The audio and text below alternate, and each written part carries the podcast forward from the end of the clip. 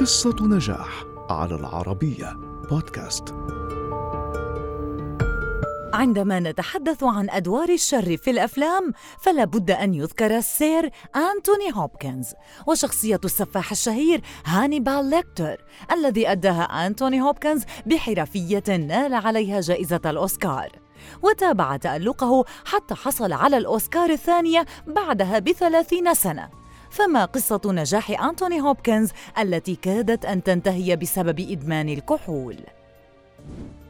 ولد السير أنتوني هوبكنز في ويلز عام 1937 وكان مولعا بالموسيقى والتمثيل فدرس بالكلية الملكية الويلزية للموسيقى والدراما وهو بعمر الخامسة عشر في عام 1957 التحق هوبكنز بسلاح المدفعية في الجيش البريطاني وخدم فيه لمدة عامين وانتقل بعدها إلى لندن وبدأ التدريب في الأكاديمية الملكية للفن الدرامي وتخرج منها في عام 1963 وظهر لأول مرة على مسرح لندن في مسرحية يوليوس قيصر.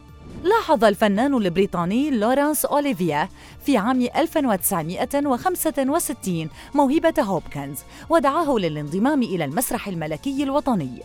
وبعدها بعامين لعب هوبكنز دور البطولة في مسرحية رقصة الموت بدلا من أستاذه أوليفيا الذي أصيب بالتهاب الزائدة الدودية بشكل مفاجئ.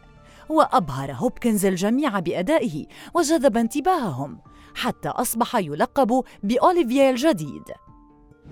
بدأت نجاحات هوبكنز في السينما عام 1968 بعدما حصل على دور ريتشارد قلب الأسد في فيلم The Lion in Winter وترشح بفضل أدائه في الفيلم لجائزة البافتا كأفضل ممثل مساعد.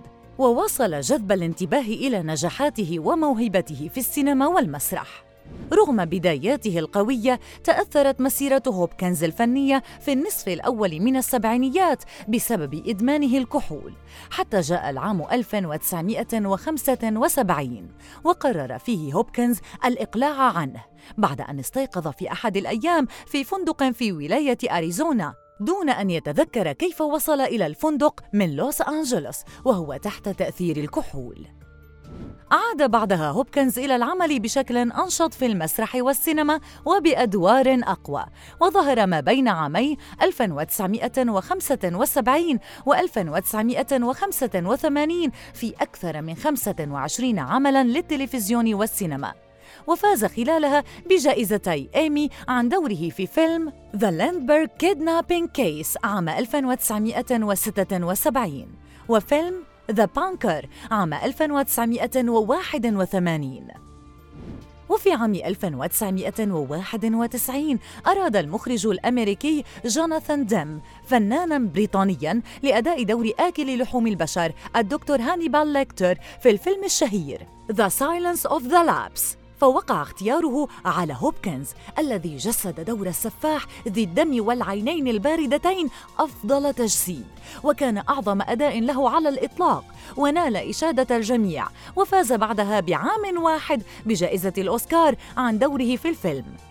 رغم أن مدة ظهوره فيه لم تتجاوز 17 دقيقة وفي عام 1993 حصل هوبكنز على لقب فارس من ملكة بريطانيا إليزابيث تقديراً لأعماله الفنية. استمر السير هوبكنز بعدها في تقديم أدوار متنوعة. رسخت مكانته كأحد أعظم فناني هوليوود. وفي عام 2021 حصل هوبكنز البالغ من العمر 83 عاماً على ثاني جائزة أوسكار له عن دوره في فيلم ذا فاذر ليثبت للجميع أن العمر مجرد رقم بالنسبة إليه.